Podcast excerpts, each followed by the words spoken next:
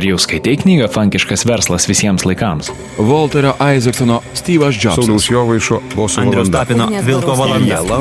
Napoleono Hilo mąstyk ir būk ilgas. Gillian Flynn. Per daug knygų per mažai laiko? Įsijunkite laidą savaitgalio skaitiniai ir susipažinkite su naujausiomis lietuviškomis audio knygomis šeštadieniais 7 val. ryto. Laidą rengia audioteka.lt lietuviškos audio knygos tavo telefone. Sveiki. Artimiausią pusvalandį su jumis laida Savaitgalio skaitiniai. Šiandien norėčiau jūs supažindinti su paties autoriaus Justino Žilinsko įgarsinta audio knyga KGB vaikai. Tai pasakojimas iš 1996 metų, tačiau skirtas visokio amžiaus kartoms. Jauniausiai kartai knygoje pasakojama dar nepažinta istorija, kurioje mažai ką sakys užmarštindingia pavadinimai. Tačiau jie suvoks, kiek daug lėmė mobiliojo telefono turėjimas ir kodėl veikėjai negooglina. Tuo tarpu vyresnioji karta galės pasvajoti apie studentišką jaunystę bei džiugiai prisiminti savo pirmuosius mobiliųjų telefonų modelius. Knygoje yra dar viena karta - kam senelių, o kam tėvų. Karta, kuriai reikėjo gyventi dvigubą gyvenimą - galvoti vieną, o kalbėti visai ką kitą, nes už kiekvieną neatsargų žodį grėsia kalėjimas. Knyga apie laiką, kai kompromisas su sąžinė buvo kasdienybė. Audio knyga KGB vaikai yra istorinis romanas - nepriklausomos Lietuvos tikrovė, politinė situacija ir kasdienybė su sovietinio laikotarpio reliktais. Tuo pačiu tai ir detektyvinis, nuotikių bei mistinis pasakojimas. Pagrindiniai šio romano veikėjai Rasa ir Vilius narpliojasi praeitįje, nuo kurios priklauso jų ateitis. Pamažu į šviesą ima lysti sudėtingos tėvų ambicijos, jaunystės klaidos, sandėrių su režimu istorijos, galinčios sugriauti jų ateitį. KGB mirė, te gyvuoja KGB. Susipažinkite su šia audio knyga ir paklausykite ištraukos iš pirmojo skyriaus. Audio knygą įgarsino knygos autorius Justinas Žilinskas. Man tuomet buvo beveik 24. Tik ką baigiau Vilniaus universiteto ekonomikos fakultetą. Mokiausi gerai, nors raudono diplomo ir negavau. Prieš metus buvau beįsiteisęs į Lietuvos akcinį inovacinį banką. Laimėjau atrankos konkursą. Netikit? Kuo rimčiausiai.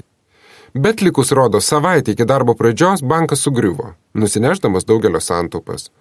O juk buvau beįtikinęs tėvus, kad bankai jau saugus, ypač tie, kuriuose indėlį laikė, ir prieš lungant spėjo atsijimti, pats ministras pirmininkas Adolfas Šleževičius. Po šito fiasko ir pirmosios bankų krizės Velnavos, tėvų ryšių šiaip netaip užteko kukliai tarnybėliai Žemės ūkio ministerijai. Žinoma, tai geriau negu nieko.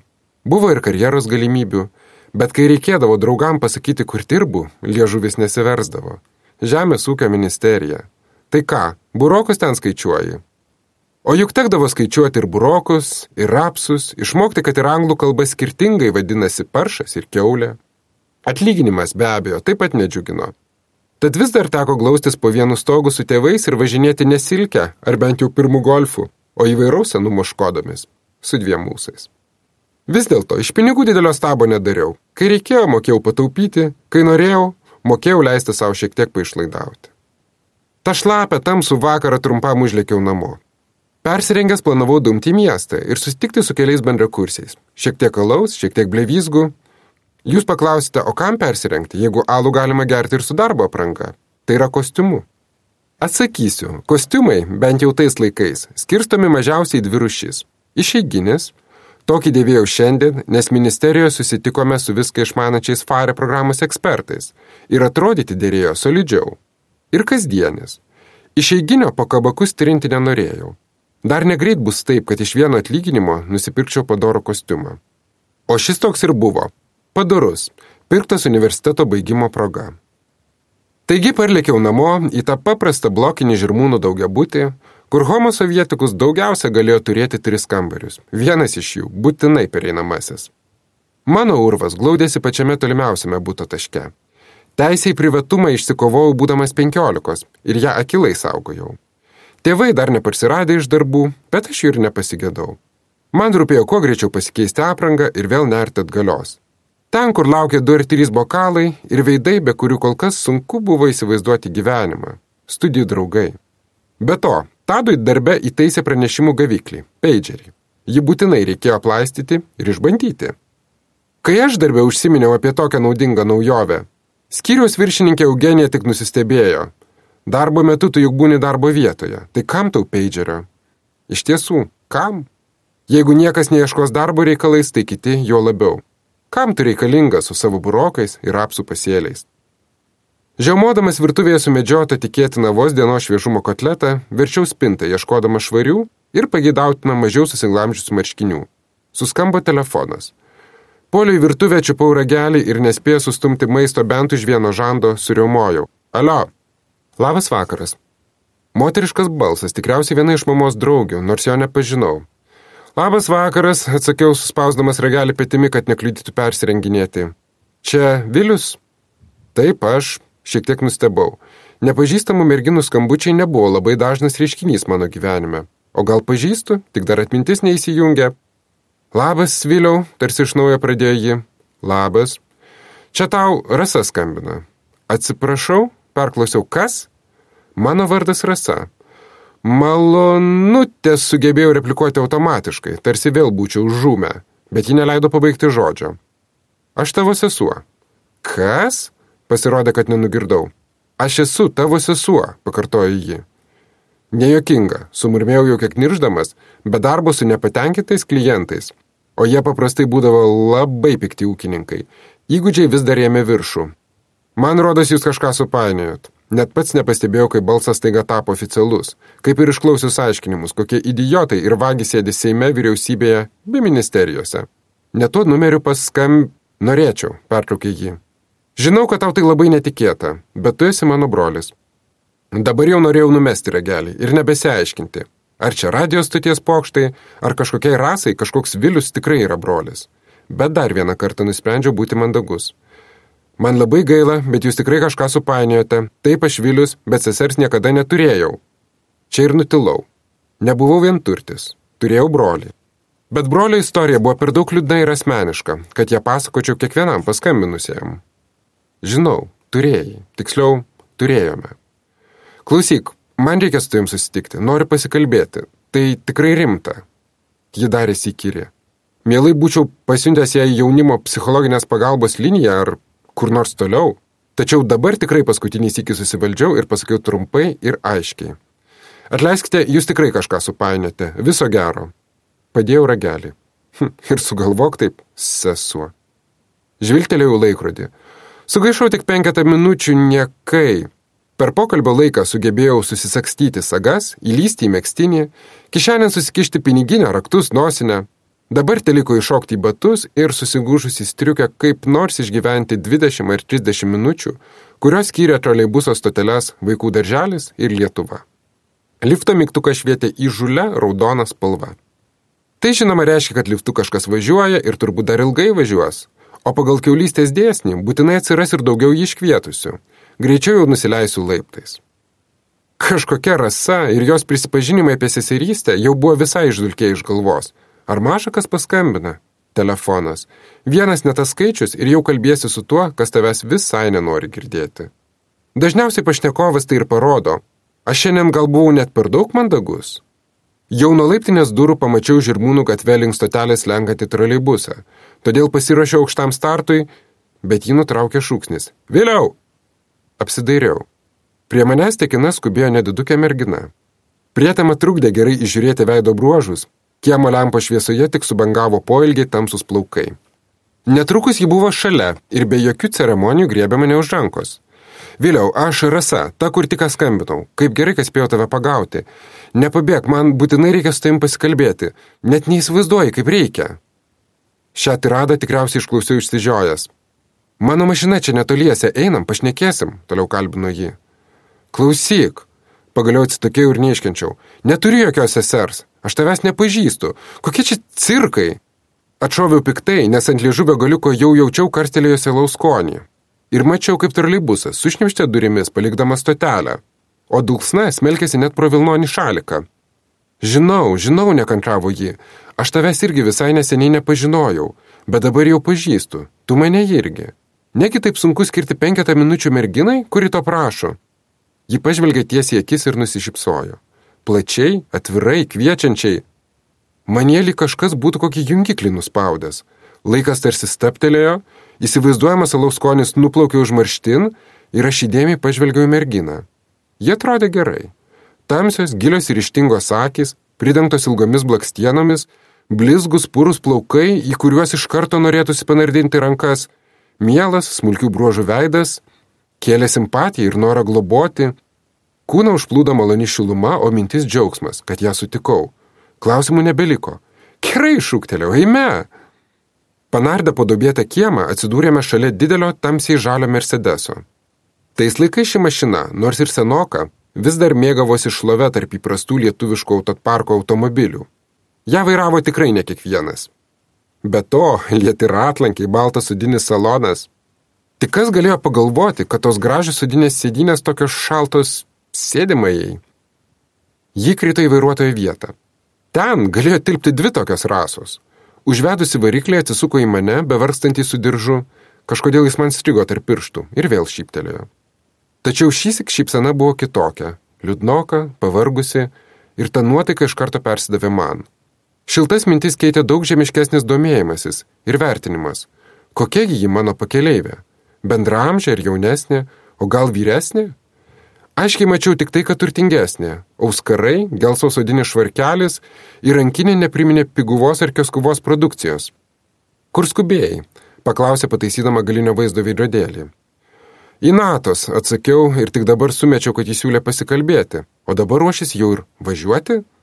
Čia kur? Prie filharmonijos. Gerai, pavėžėsiu, pasisiūlė. Tuo pat metu ir šnektelsim.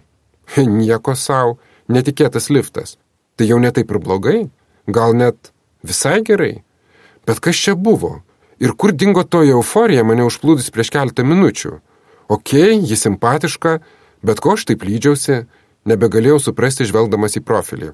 Na, visai nieko, faina, bet ko taip nusiekiau lyg katinas paskui lašinius. Mersas išlingavo Žirmūnų gatvę ir neskubėdamas nurėdėjo link Minsko parduotuvės. Dabar sutarėm taip, pasiūlė Rasa. Aš pasakoju, tu klausaisi ir bandai viską priimti kaip faktus. Paskui galėsi prieštarauti, nervintis, užduoti klausimus, vadinti mane išprotėjusią. Gerai? Gerai, sutikau. Kur lendi, žasinė? Jis pustelėjo signalą, pamokydama per daug narsų pėstyje. Tai va, aš esu tavo sesuo. Tikra. Mes abu vieno kraujo, tu ir aš. Mauklis. O dar kraujomaiša, jeigu. Mintise papildžiau, vėl atsiminęs tą akimirkos jausmų pliūpsnį. Eh, kada sureda išsivaikščiame? Gegužė. Liūdna gyventi vasarą be mergaitės. Rudenį dar labiau. Mūsų tėvai tie patys, nutraukė mano mintis. Tiesa, jie irgi nežino tiesos, nes gimimo liudijimuose įrašyti skirtingomis pavardėmis. Ir mano tėvai popierė visai kiti, žmonės, kurie išaugino. Oficialiai tavo, Viliau, tėvams aš gimiau negyva. Tikriausiai motina ir tėvas tau buvo užsiminę. Bent jau, kad prieš tave jiems gimė dar vienas vaikas. Sunerimau. Simpatiškos merginos istorija grėsė virsti labai nesimpatišką. Minėjo, pasakiau beveik automatiškai. Artimųjų mirtis nebuvo reta tema mūsų namuose. Mintise išplaukė vaizdas. Aš prie kapo, šalia mama ir tėtis, bet čia juk brolio. Taip aš turėjau brolį, vyresnį, taip jis žuvo, bet tai jos tai neliečia. Ji gal net nežino, kas yra krovinys du šimtai. Tada buvau, atrodo, vienuolikos, bet kitas vaikas ir dar mergaitė. Kągi, bent jau gali suprasti, kad nemeluoju, apsidžiaugė. Pala, sustabdžiau ją jau įkvepiančią kitam sakiniui. Aš supainiojau. Turiu žuvusi brolį bet apie jokią seserį man nieko tėvai nesakė. Jie atsiduso, perengė pavarą ir persirkavo į kitą juostą, iš Petro ir Povilo bažnyčios žiedo sukančią Jolandų gatvę. Šiek tiek keista. Oficialiai ji palaidota kartu su mūsų broliu. Klaidos negali būti, perknisau visus įmanomus archyvus. Pamėginau dar kartą atsiminti tą kuklų, tik keletų tujų papuoštą kapinių žemės lopinėlį ir juodo granito plokštę. Gelsvos mėliuko takelį. Robertas Maslauskas. Gimęs 1966. Tragiškai žuvo 1984. Iš tiesų, kiek dabar aš jį atsimenu, tai tik iš nuotraukų. Ir tos paskutinės - cinkuota dėžė iš Afganistano. Beje, šiandien juk spalio 30, vadinasi ryt arba poryt važiuosime tvarkyti kapo, tiksliau tėvai važiuos. Bet reikėtų ir man prisijungti, nors ir nemėgstu kapinių. Ten palaidotas tik mano brolis, tvirtai pasakiau, ant kapo vienas, vienintelis užrašas. Vadinasi ir tai nuslėpta. Aš tikrai tavo tėvų dukra ir tavo sesuo. Pamatysi, galėsiu viską įrodyti. Valytuvai tarsi patvirtami vairuotojas atkaklumą vėl nubraukė stiklą po tiksliai nustatyto ramybės būsenos intervalo. Na gerai, nusileidau, tarkim, tu tikrai mano sesuo. Aš nieko prieš turėti fainą seserį. Papataikavau. Bet kas iš to? Jie atsisuko į mane. Hm, truputį ilgoką nusytė. Nebijai? Ko? Ištariau suvokdamas, kad prieatėjome prie kažko tikrai svarbaus. Kad šį vakarą nemiegosi. Pašmaikštavimą su tavim nutilėjau. Pasirengiau išklausyti, gal kas nors paaiškės. Ji, nenuleisdama akių nuo kelio, ėmė pasakoti. Pagaliau įvažiavome į aikštę prie filharmonijos. Aplinkui, nepaisant prastoko oro, sukiojusi nemažai žmonių. Nuo aušos vartų grįžo turbūt paskutinė elgetaujanti moterėlė, į Ida Basar restoraną slinko tingus vakarieniautojai. Tiesiog eilinis trečiadienis pilyne. Čia tiks pasiteiravo rasa, linktelėjau. Viskas gerai? Na ir paklausiai, nei atsidusiau, nei suprunkščiau. Ji įjungė avarinio sustojimo signalą ir su užuojota pažvelgė į mane. Bent jau nepyksti, ašgi sakiau, iš karto atsiprašau, kad tave įveliu. Ne, bet nepatikėjai. Nežinau, ne visai atsakiau po pauzės. Bet manęs idiotė nelaikai? Mm, ne. Turbūt, pridėjau mintise. Kągi, tai irgi šis tas, tai lipsi? Aha, lipsiu, Hebra laukia. Gerai, na, bučkis yra te, jie atsuko žantą. Kai sužinosiu, ką nors naujo, paskambinsiu. Man dabar jau geriau, norėjau, kad dar bent vienas žmogus apie tai žinotų, tuo labiau, tugi mano brolis, jeigu man kas nors nutiktų. O šiaip dėl visako, būk atsargus, gerai? Būti atsargiam. Kaip? Ir ko saugotis? KGB? KGB.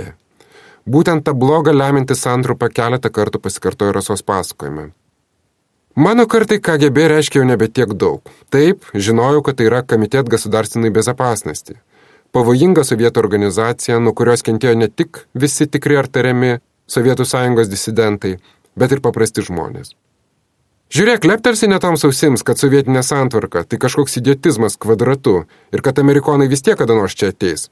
Pakvies tave į KGB, kur rodė platus Lenino mostas. Lukiškio aikštėje proletariato vadas juk stovėjo senojo šafoto vietoje. Tačiau bent jau man KGB baimė atsirado ne iš asmeninių potyrių, o iš tėvų, augusių po karo ir didžiąją gyvenimo dalį nugyvenusių prie Brežnevo. Taip, buvo ir mano mokykloje istorijų, kai kažkas Gedimino stulpus foje nupaišė, virš langų milžiniškus, nežinia kaip užsikorė taip aukštai. Kvietė kai kurios klasės draugus tada į ten, bet manęs kažkodėl ne. Nors nieko ir pasakyti nebūčiau galėjęs. Daugiausia ėjo tie, kurių piešiniuose nuo pat pirmųjų klasių rūkdavo pamušti tankai su raudonomis žvaigždėmis. Tuos, kurių tėvai nuolat klausydavosi Amerikos balso ir kurie paslapčiomis sveikindavosi už nepriklausomą Lietuvą, už kapitalizmą. Tačiau, kai nuvilnėjo sąjūdis, KGB baimė išnyko tarsi dūmas vėja. Ha, tautos jėga vienybėje. Ir ką mums gali KGB padaryti, jeigu net sovietų tankų sausio 13 sustabdėme? Taip, Lietuvos aidas niršiai spausdino demaskavimo rašinius, tik ar daugeliu iš paprastų žmonių, stengiančių išgyventi infliacijos ir pokyčių verpete, jie rūpėjo. Bet tai, ką sakė Rasa, vertė šiurpti. Ir staiga atgaivino visus mitus apie bjaurybės ir kankintojus iš KGB. Bet ji daug nepasakojo. Kaip tau sakiau, jūsų šeimoje prieš gimstant tau, tavo tėvams gimė mergaitė. Toji mergaitė buvau aš. Tačiau tėvams neleido manęs auginti perdavė ją kitiems žmonėms. Nuo tėvų mane iš viso nuslėpė. Archyvose radau, kad miriau vos gimusi. Jausmas, žinok, vai koks nefainas. O kam to reikėjo, neiškenčiau neįsiterpęs. Matai, aš turiu vieną tokią keistą savybę. Norint apie ją papasakoti, reikėtų kalbėti ilgai. Trumpiau tariant, tai toks šeštasis pojūtis. Na, gal ne visai šeštasis pojūtis, greičiau... Ne, tu nežiūrėk į mane kaip į kokią pusdurnę. Aš ne kokia ekstrasensė ir nesiuošiu tavęs gydyti ar tau burti. Suprantu, kad tau sunku patikėti. Bet dabar, dabar tiesiog patikė, gerai? Kaip kieme patikėjai. Tai va, tęsė. Paimta iš tėvų tikriausiai buvau būtent dėl šios savybės. Radau savo įtėvio, kuris pasirodo buvo kadinis KGB darbuotojas popierius. Sąrašą. Jame nurodyta keliolika tokių žmonių, kurie gimė vienose šeimose, bet buvo perduoti auginti KGBistams. Tačiau, kai pradėjau gilintis į šitos reikalus, prasidėjo dalykai. Pamačiau, kad kai mane kažkas ėmė sekti. Skambina vidury nakties, namo ar į mobilų, nekalba, tyli. Ir gerai, jeigu vieną ar du kartus, kokius dešimt per naktį. Kai kelis kartus nuėjau į archyvus, prie jų visada rasdavau stovinti kokį nors žmogų, labai įdėmiai mane apžiūrinėjantį. Grįžtančiai jis palydėdavo iki mašinos. Ir tokie banditiškos išvaizdos tipai. O šiandien, šiandien vienas priejo ir pasakė man tyliai, atiduok tos popierius. Tu tokia graži jauna mergaitė. Juk nenori, kad tau kas nors blogo nutiktų, ar ne? Pasimk jos rytoj su savimi. Aš čia lauksiu. Tu turbūt supranti, kad persigandau kaip nežinia kas. Ir neturėjau kur daugiau dėtis, kaip tik ieškoti tavęs. Policijai to nepasakysi. Po ilgokos pauzės, per kurią bandžiau sugromuluoti žinias, ji vėl ištarė. Netiki. Jaučiu.